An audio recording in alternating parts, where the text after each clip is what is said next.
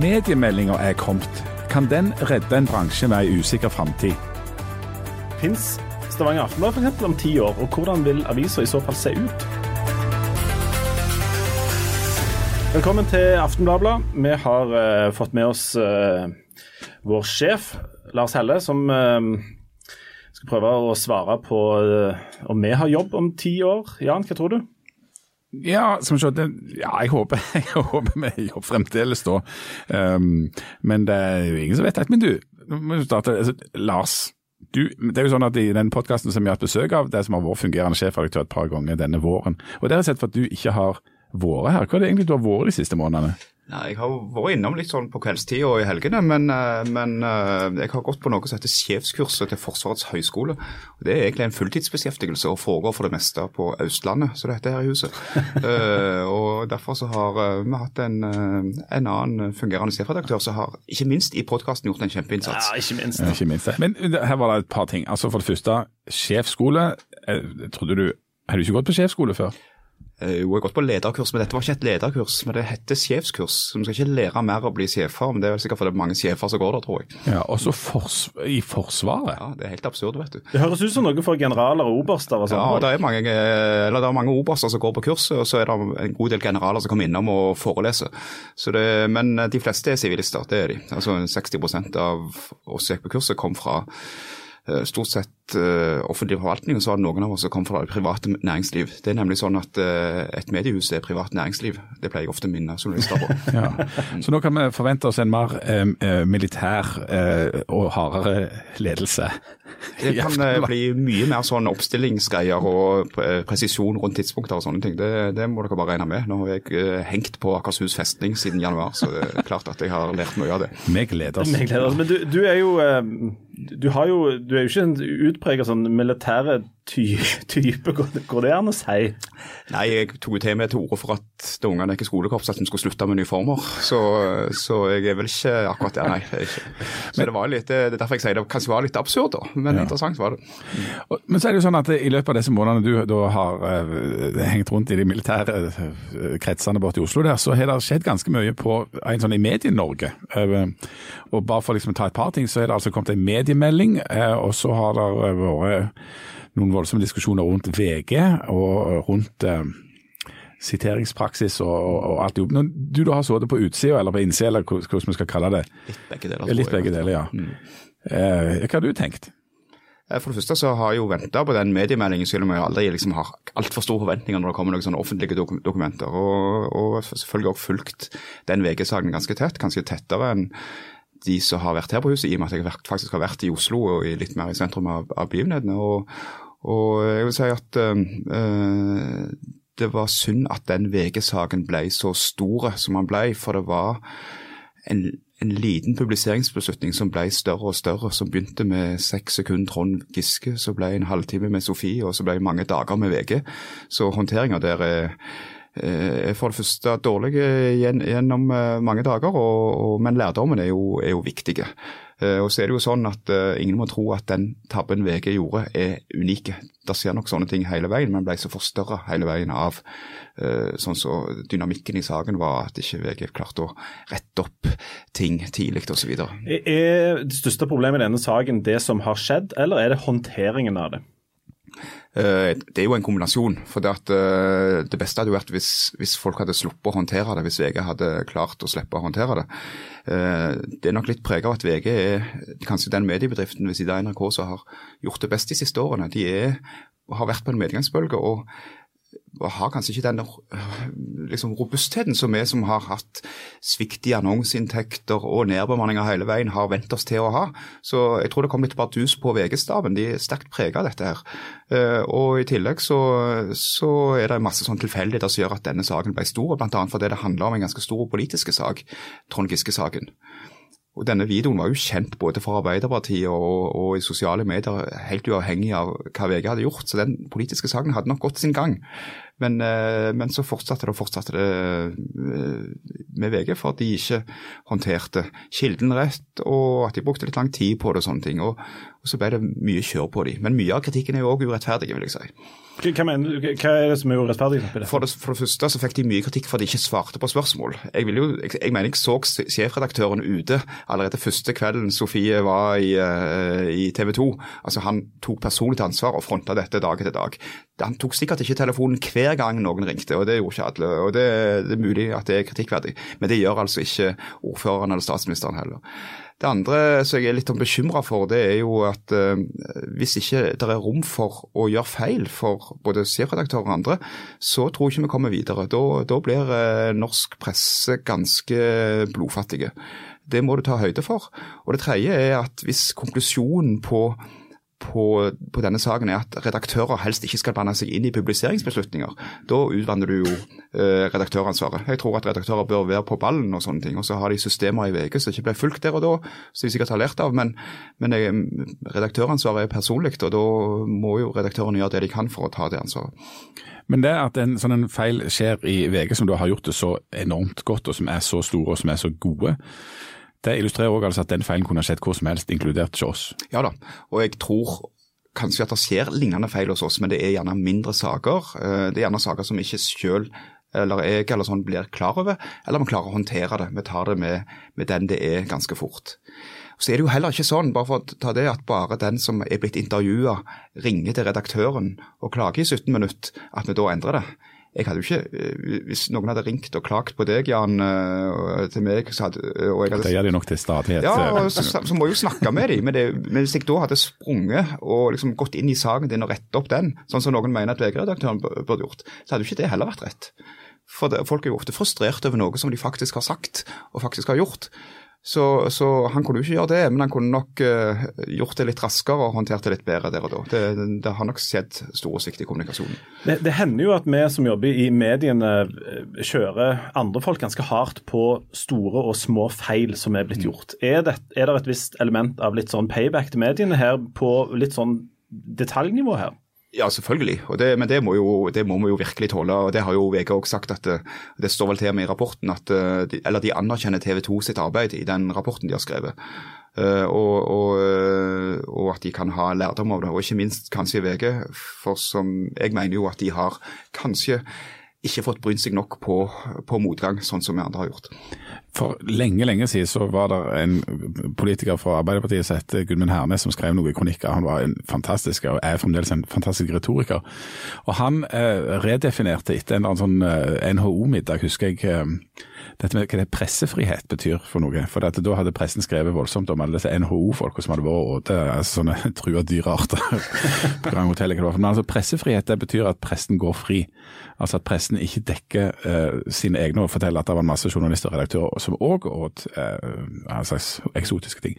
Men det er jo en, en interessant ting med denne saken, at pressen har gått kritisk til verks mot pressen. Ja, og det er vi jo òg pålagt. Det står noe om det i Vær varsom-plakaten at, at, vi skal gjøre. Og så må jeg jo si at denne krokodillemiddagen, som de kaller den, fra 25 år tilbake, henger jo over NHO ennå. Men, men eh, det var jo mediene som avslørte det.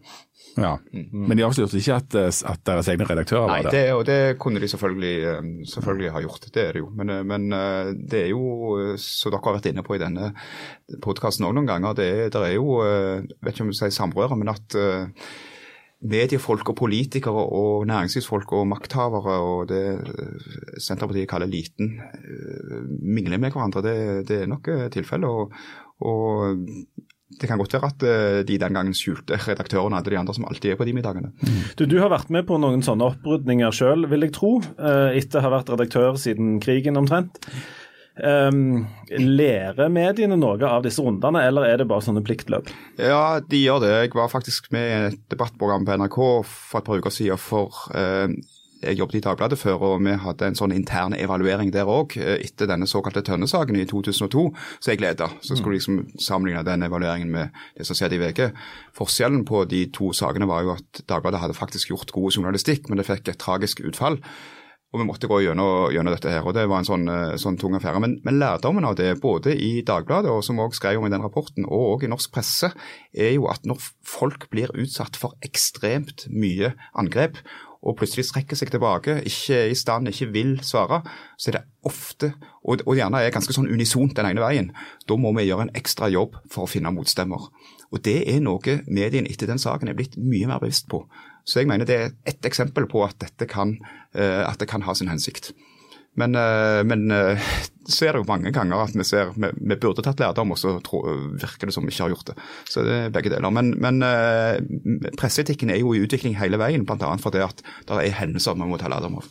Hvor, hvor, ofte får du henvendelser om folk som føler seg dårlig behandla eller eh, feilsitert eller sånne type ting i Stavanger Sensurert, som de kaller det. Sensurert, ja. ja. Ganske ofte. Mange ganger i uka. Enten Vanligvis er det, kommer det jo på e-poster. Uh, at det er noen som ringer, at det er noen som bare kommer innom i resepsjonen og skal ta opp noe. Uh, så, det, så, det, hender. Og de fleste har jo Jeg forstår vanligvis hvorfor folk er oppakte, og sånn, men de har jo ikke, vanligvis har jo ikke en, en Vanligvis er det ikke grunnlag for at Aftenbladet må gjøre noe om igjen. Eller skrive noe på ny, eller stryke noe.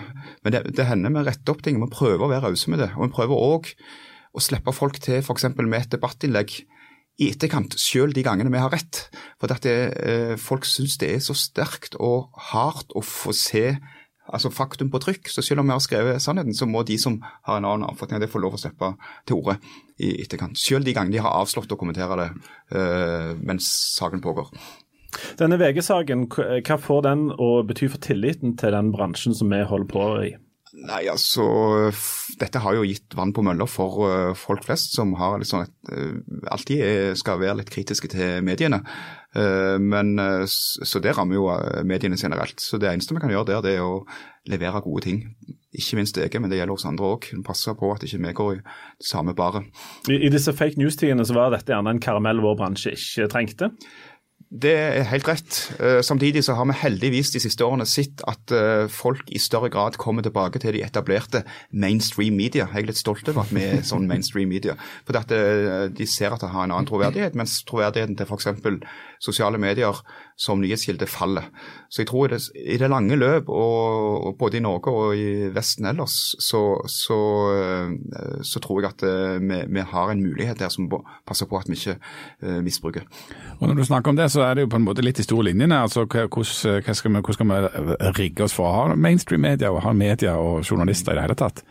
Og I den anledning har det altså kommet en mediemelding. Først og fremst, Hva i all verden er en mediemelding? Ja, nei, det er For det første, vi som er litt sånn mediepolitisk nerdete. Vi har jo gått og venta på denne mediemeldingen lenge, lenge, og vi har jo gjennom mange år krevd det ene tiltaket etter det andre. Uh, og, og, men dette er jo en melding fra regjeringen om hvordan de ser for seg at Eh, mediepolitikken i Norge skal utøves framover. Den er basert på en, et par utredninger, faktisk, bl.a. Mediemangfoldsutvalget. Eh, og så, så har de sittet og utreda og utreda, og så skulle han kommet i høst, men plutselig kom eh, Kristelig Folkeparti inn i regjeringen, så måtte de få et ord med i laget. Så ble det nå i slutten av mars at Trine Skei Grande la han fram på et møte i landslaget for lokalaviser i Drammen. og Det tror jeg ikke var tilfeldig. Og Hva er du uh, mest fornøyd med og mest misfornøyd med med det som står i den mediemeldinga? Altså Disse lokalavisene, de som er litt mindre enn oss, vi kaller oss regionavis, de har nok fått litt tydeligere rammevilkår. Så, jeg, så tror jeg det er bra for Norge at NRK blir sikra en forutsigbarhet og selvstendighet. De må legge ned lisensen for det at de kan ikke basere NRK framover på at uh, folk har et fjernsynsapparat med en mottaker, for det er ikke sånn folk ser på det. Uh, og, du sikrer òg den redaktørens frie stilling i NRK. Det trenger Norge. Uh, men det øvrige med NRKs stilling mot oss i andre mainstream medias, der syns jeg det er mer, mer utydelig. Når det gjelder disse halvstore mediehusene som vårt, regionmediehusene, så er det jo ikke så mye verken fram eller tilbake. Han har ikke så mye å si. Ja, for Du sa, du start, du sa tidligere nå at, at uh, må liksom minne oss på at vi er faktisk et altså privat næringsliv, med et privat mediehus. sånn at Hva er det egentlig eh, av den statlige mediepolitikken som på en måte kan uh, ha innvirkning for oss. for jo, altså Staten betaler jo ikke oss for å gi ut avisene direkte. Det, det, gjør de ikke. Det kan jo heller ikke være sånn at folk kan starte en avis fordi de tror de får statsstøtte. Mm. Men, men, staten har siden slutten av 1960-tallet bidratt til det såkalte mangfoldet med å gi ganske betydelige summer til særlig nummer to-aviser. Uh, I den tida, på slutten av 60-tallet, så fikk nummer to-aviser, som f.eks. Rogalands Avis, uh, de kunne være store og gode, men de hadde, det var alltid nummer én som fikk alle annonseinntektene. Altså Aftenbladet. Så de fikk, fikk, støtten. Nå er det jo ikke annonseinntekter lenger. sånn at det bildet er jo forskjellig. Så begrunnelsen for den produksjonsstøtten er jo vekke. Så det har kommet mange nye medier som ikke trykker på papir, som var forutsetning, og som ikke har abonnementsmodeller, som òg var en forutsetning og sånne ting. Så det er jo det ene de må se på det. For oss så er det jo ikke noen sånne direkte øh, pengestøtter, men vi har en del andre, andre ting. Det er et momsfritak på, på øh, både papiravisen etter hvert og øh, abonnement på nettavisen vår. Det er ikke mediepolitikk, det er jo finanspolitikk. Og jeg mener at det er ikke en subsidiering av oss. det er jo det er jo publikum, altså forbrukerne, som blir subsidiert, på samme måte som de når det er halv moms på matvarer. Så er ikke det subsidiering av Kiwi, men av de som handler Kiwien. Uh, er kulturministeren enig med deg i at det er et uh, altså, politikerne bruker finanspolitisk? Alltid, uh, politikerne kommer alltid med, med momsfritak, og, og, NRK gjør jo òg det når vi er i disputt med de. Så det er klart en fordel for oss at det ikke er moms på våre varer, for ellers måtte vi prist de mye høyere og dermed også solgt mindre. Og det hadde jo gått utover alt fra antall journalister og sånne ting, så det er viktig. Så foreslo vi òg andre tiltak, at vi er fortsatt i en ganske dramatisk fase i norske medier. Vi foreslo å ta vekk investeringsavgift for alle norske medier i, i, i, i, en periode. For vi er i en transformasjon. Eh, men alle den type forslag som, som uh, skulle dras gjennom denne perioden, inkludert Bergens Tidende, Stavanger Aftenblad, Adresseavisen og Nordlys, de der halvstore uh, regionavisene, de, de er der ikke. Og jeg tror kanskje de har sett seg litt blinde på at vi og det har vi ikke lagt skjul på. Vi har plutselig fått en uventa opplagsframgang. Vi har klart å gå med et lite overskudd hvert år de siste årene, etter at pengene bare forsvunnet og forsvunnet og forsvunnet i et stort hull i årevis, som har stabilisert situasjonen. Men den er altså annerledes, og vi er ikke ferdige med den, den overgangen til en digital verden. Men Noe av det som også har forsvunnet i takt med de inntektene, er jo eh, mange folk som jobbet her. Så det er jo noe forklaring ja. vel på at man har gått i pluss, det at det har forsvunnet ja, masse folk nettopp, ut. Nettopp det. Og, og, og, hvis vi skal, og Denne mediemeldingen er jo tydelig på at det er blindsoner i norsk, norsk presse, både geografiske og tematiske. Og Hvis vi skal ha Eh, muskler til å følge de, så er det jo så Det, det er lett å det er lett å gi ut en avis på 10 eller 12 eller 20 sider. Men skal du lage det innholdet som tar det på alvor, så må du ha en bemanning. Og Det er klart at det, eh, det kjenner jo vi på hver dag. Ikke minst etter de nedbemanningene du nevner som har pågått egentlig kontinuerlig i over ti år. At det, det, det er viktig. Så vi òg har lagt blindsoner etter oss. Du nevnte at NRK har vært finansiert på en gammeldags måte, nemlig eh, med lisensen. Altså denne høyt elska giroen som har kommet eh, en gang i halvåret. Ja. Eh, vi har jo òg, Stavanger Aftenblad f.eks. har jo òg vært hatt en litt sånn gammeldags måte å tjene penger på. Vi har tjent penger på abonnenter og på annonser. Mm. hvordan har det bildet endra seg de siste 10-15 åra? det har ikke bare endret seg de siste 10-15 årene, det har endret seg de siste fem årene. Hvis du kjøpte et Aftenblad fra fem-seks år siden, så ville det være finansiert mellom nesten tre fjerdedeler ville vært betalt av annonsørene. Så, var, så, de inntektene folk betalte på giroen sine eller når de kjøpte den på Narvesen, de var faktisk bare en fjerdedel eller 30% Nå er det snudd på hodet. Nå er abonnementsinntektene iallfall 60 av, av inntektene våre. Og for andre aviser har det blitt enda mer. Så vi er mer og mer avhengige av disse her. Vi har en helt annen forretningsmodell enn en den gangen. Med, mer, eh, med mindre, eh, altså Annonseinntektene betyr mindre, og, og abonnementsinntektene betyr mer. Og ikke nok med det. De abonnements, abonnementsinntektene er jo mer og mer digitale eh, inntekter. De fleste som kommer til oss og skal ha et abonnement nå, de vil jo ikke engang ha papiraviser. Så det, vi har jo det paradokset at Aftenbladets opplag er i ferd med å nå all time high, kjempebra. Men antall trykte aviser der nærmer oss jo noe sånn rett etterkrigstidsnivå. Så, mm. så, det er jo masse, en del av de paradoksene. Det forteller jo en enorm endring bare på få år, altså. Men hvor lenge skal vi holde på å trykke papiraviser? Dette, denne, den Papiravisen sin død har jo vært spådd siden omtrent den, Siden nettavisen? Ja, siden nettavisene kom. Hvor lenge tror du vi har eh, Stavanger Aftenblad i postkassen vår om morgenen? Ja, jeg, jeg, jeg, begynte i Aftenbladet i 2012 og fikk jo det spørsmålet hver dag, særlig når jeg er ute blant folk og i forskjellige foreninger og lag. og, og da, snakks, da tror jeg gjerne jeg sa jeg sa mye løye, jeg sier alltid mye løye. Jeg sa sånn 2017, 18, 19 ja. må vi nok se på dette kanskje noen dager færre. Og så er Det jo sånn at det er helt umulig å si noe så langt fram. Og, og vi jobber kanskje mer her internt i Aftenbladet og i mediebransjen selv med å se framover enn det mediestøtteutvalget har gjort, eller mediemeldinga gjør. Og, og, jeg tror at det kommer til å være en papirvariant av Aftenbladet ganske lenge framover. F.eks. For fordi at det er ikke sikkert det er så lønnsomt å gå ned til, til, færre avisdager. For vi har et ekstremt godt distribusjonsnett som til og med virker seks dager i uka, mens Posten nå skal ned til fem og enda, enda mindre. Kan bruke det andre ting. Det er allerede sånn at folk får mer enn aviser med det nettet. De får uh, frokost på døra, de får uh, fjernsynsdekoderen og, sånne ting. Og Hvis flere kan være med å ta den, den, de forskjellige regningene, f.eks. For distribusjon, så kan, så kan papiraviser vare lenger. Og jeg tror at vi skal langt inn på 20-tallet før uh, altså Jeg tror vi har, har et eller annet papirprodukt gjennom hele 20-tallet, men, men, at vi har en dagsavis langt inn på 20-tallet, det er jeg nå ganske sikker på. Og jeg snakker ikke lenger om papiravisens død. Uh, for jeg er mer opptatt av at Aftenbladet skal leve, og så kommer vi til å gi ut papiravis akkurat så lenge det er lønnsomt, og jeg tror det er mange år til. Og vi er ganske gode på det. Så det er en viss sjanse for at vi har jobb her om ti år, iallfall noen av oss? Ja, det kan dere ha litt uavhengig av det. For vi må jo fortsatt jobbe med den der nye at de fleste ikke vil ha papiraviser og det vil bare forsterke seg. Og Da må, gjøre, må dere jobbe med det dere gjør akkurat nå, f.eks. sitte med headset på hodet og mikrofon foran dere. Og andre, andre, ting som blir en del av Aftenbladet-universet framover. Men, men, at logoen vår vil være sterk og solid, det er ikke tvil om. Vi tar det som en slags jobbgaranti ja, det er sånn, ja, ja, kan ikke garantere noen ting, men, eh, men, eh, det er opp til oss alle, dere òg, at vi skal eh, ivareta Aftenblad-tonen. Um, hvordan skal vi tjene penger da i, i framtida, når annonsene går litt og litt ned? og Det er, er begrenset hvor mange abonnenter Stavanger Aftenblad kan ja. få. Vi, vi, vil jo aldri slå gjennom i Göteborg og i München og sånne plasser. Nei, og jeg tror ikke vi skal gjøre det heller. Så Det er en styrke at vi kommer på norsk, for da er det litt vanskelig for New York Times å komme inn. Men så er det en styrke til som jeg har sett og blitt enda tydeligere de siste årene, og som ble liksom forsterka i jubileumsår i fjor, at vi kjenner Rogaland best. Vi skal være best i vår egen bakgård. De gang, den, den dagen folk ikke kan få, de aften, få den beste dekningen i Aftenbladet når det skjer noe viktig her i distriktet, enten det er på samferdsel eller krimfronten eller på, på kommunale vedtak eller på valg, da, eh, har vi tapt. Så vi må bare være vanvittig gode på kjernevirksomheten vår, journalistikk fra vårt eget distrikt. Det er hovedoppdraget. Så vil ikke det være nok, så vi må, må gjøre en del andre ting òg. Og drive journalistikken inn på andre arenaer. Podkasten her, som ikke tjener penger på noe særlig nå. Dette er rent, eh, men, men, rent utgiftsprosjekt. Nei, jeg tror på sikt så, det, så det er viktig at vi, at vi knytter folk til Aftenbladet. Vi har jo blitt mye flinkere å ha, ha sånne events, eh, debatter og sånn ute på scenene. Trekker journalistikken ut, ut til folk igjen. Det er andre ting. Og så driver vi til og med Nå har vi jo fått Aftenbladet-butikk. Det tror jeg ikke skal redde Aftenbladet, men folk kan, kan handle på Aftenblad.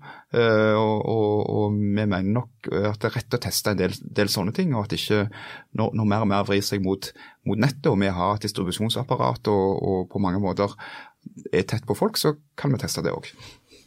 I, du, nå har jo du vært i, i, krigen i noen måneder. Um, og I krigsterminologien så er det noe som heter 'boots on the ground'. Um, uansett hvor mye krigføring du kan gjøre for lufta, så må du ha noen folk på bakken. Mm. Um, journalistikk er jo òg litt sånn gammeldags fag. Du må ha noen folk til å springe ut og snakke med folk og skrive ned hva de sier og sånt. Um, nå har vi jo blitt færre, vi har jo nedbemanna i mange, mange mange år. Uh, ser du for deg at uh, det kommer til å jobbe flere journalister, eller færre journalister her om fire, fem, seks år? Faktisk så jeg, uh, Hadde du spurt meg for noen år siden, så ville jeg sagt færre, definitivt. Nå er jeg faktisk uh, ikke så sikker på det, for jeg, jeg ser at i forbindelse med at mange ting blir mer automatisert, så, så det der med å, ha, med å frigjøre ressurser til folk som kan drive kjernevirksomheten vår, det håper jeg jo faktisk at vi kan få til. Du har helt rett. Boots on the ground er, er, en forutsetning for å kunne drive det på vår måte. Og vi har ambisjoner, alle vi som er i dette huset. Som sagt, Vi kunne gitt ut dette produktet med langt færre folk, men det ville vært vassent og tannløst og blodfattig.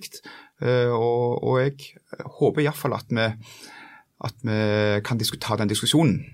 Uh, sånn På kort sikt så, så, tror jeg vi vil ligge omtrent der med minus tre pluss to. Altså det, det, tror jeg nok. Men, men fem år er jo som kjent vanvittig lenge.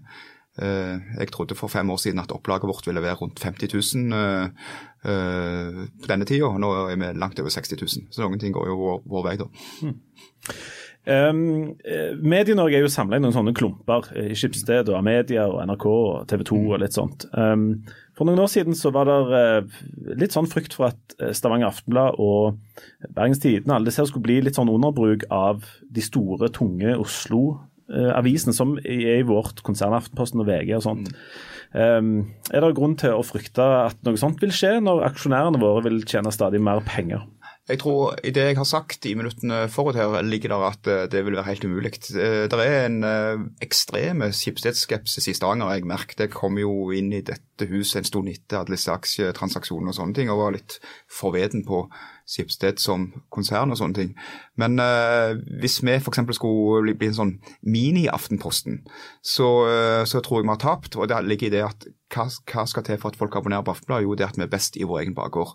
Hvis, uh, hvis vi begynner å prioritere anmeldelsene fra Nationaltheatret foran Rogaland Teater, hvis Vålerenga blir like viktig som Viking, hvis E18 i Vestfold blir viktigere enn E39 i Rogaland osv., så, så, så trenger ikke folk lese oss.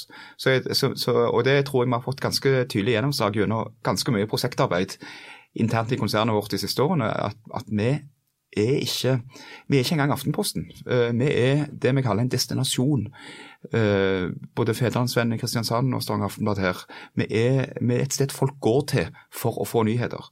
Og Det ser vi bl.a. på nettrafikken. at når folk, folk, går direkte til Aftenbladet når det skjer noe. Mens, du for eksempel, mens Aftenposten kommer til Aftenposten etter å ha lest om noe på Facebook eller andre steder. så blir det til Aftenposten. De har ikke den destinasjonsfølelsen. Det er ikke like opplagt at de skal dra til de. Skal vi ta vare på den, så må vi bruke ressursene våre på først og fremst i vår egen bakgård. Hva er eh, den eller de største utfordringene til Stavanger Aftenblad de neste fem til ti årene? Jeg tror at uh, vi, vi, må passe på at vi ikke sparer oss i hjel. Vi, vi, har vært kostnadsbevisste, men nå har vi klart noen år å holde også inntektene ganske stabile. Vi, vi er nødt for å ha et visst inntektsnivå som ikke denne gamle slakteribedriften blir en liten pølsebu. Uh, og, og, Det vil også gi oss armslag til å utvikle og videreutvikle journalistikken. Så er det et det er jo eh, Vi må ha folk med, med, med, støvlene på bakken som er ute og snakker med folk. Men med den teknologiutviklingen vi har, så er det også viktig at de forstår teknologi og vet ikke nødvendigvis selv kan drive og kode alt, men de vet hvordan vi kan utnytte den og gjøre dette utrolig brukervennlig for folk, sånn at de liker å lese Aftenbladet i nye formater. Der har vi en utfordring, men der er det andre bransjer som har enda større utfordring. F.eks. bokbransjen, som helt fram til nå egentlig har slått seg til ro med at folk bare leser ei bokside, sånn som de leser ei bokside. Uh, mens hvis du ser på undervisningsmateriell og sånne ting, så, så leser jo de unge uh, pensum på en annen måte enn vi gjorde. Ja, ja, du er jo uh, Skal vi kalle deg ung og framoverlent? Nei, det tror jeg ikke. Nei, det tror jeg stadig eldre. Og, og jeg har hørt at du har ganske god utdannelse. Voldsomt, voldsomt høy utdannelse. Hva er utdannelsen din nå igjen? Ja, jeg vet ikke om jeg nevnte før, men altså, jeg har faktisk et hovedfag i sammenheng. Vi har vel nesten ikke, Du har jo òg hatt 50-årsdag nettopp, det har vi jo òg. Jeg vet ikke om han nevnte det, men, eh, men, eh, sånn er det jo. Um, men du regner vel deg sjøl som en litt sånn old school journalist, kanskje? Ja, jeg vet ikke. Det er jo litt sånn old school å drive på med. For, altså, sånn Kulturjournalistikk som jeg holder på med, og til dels du, du er jo veldig gammel inni deg, selv om du utpå er eh, så ung at uh, Jeg er den eldste personen jeg kjenner inni meg. Nettopp det. nettopp det. Nei, og det, og det er jo, det er jo endra seg det med å være uh, journalist. Vi har vel jobbet her i omtrent ti år begge to. Her sitter vi plutselig og holder på med podkast. Det hadde jeg ikke tenkt uh, den gangen. Så, så um, du jobber jo heller ikke likt sånn altså nå som du gjorde for ti år siden. Ingen av oss gjør det. Nei, vi merker jo ikke de store forandringene sånn fra dag til dag. Men jeg tror at hvis vi hadde gått tilbake igjen og sett hvordan det var når vi ble ansatt omtrent rett fra gata mm. inn i, i denne avisa, så er det ganske mye som har forandret seg. Jeg satt jo ikke og snakket med deg foran en mikrofon da. Nei. Ja ja. Det skal bli løye å se om uh, ti år, om vi sitter her ennå, og hva slags format vi da eksisterer. Kanskje et land som ikke finnes noen gang. Um, Antakeligvis. Digital gassform eller et eller annet uh, merkelig. Kanskje som sånne avatarer. avatarer som bare oppstår på ei eller annen bordplate og står der og emjer. Men med mindre alt har forandra seg eh, i løpet av et par dager, så er vi snart tilbake med en um, ny utgave av Aftenbladet. Så får dere um, abonnere og lytte og høre, og sende oss klager og innspill og ros og ris hvis dere vil det så kommer vi snart tilbake. Plutselig. Takk for nå.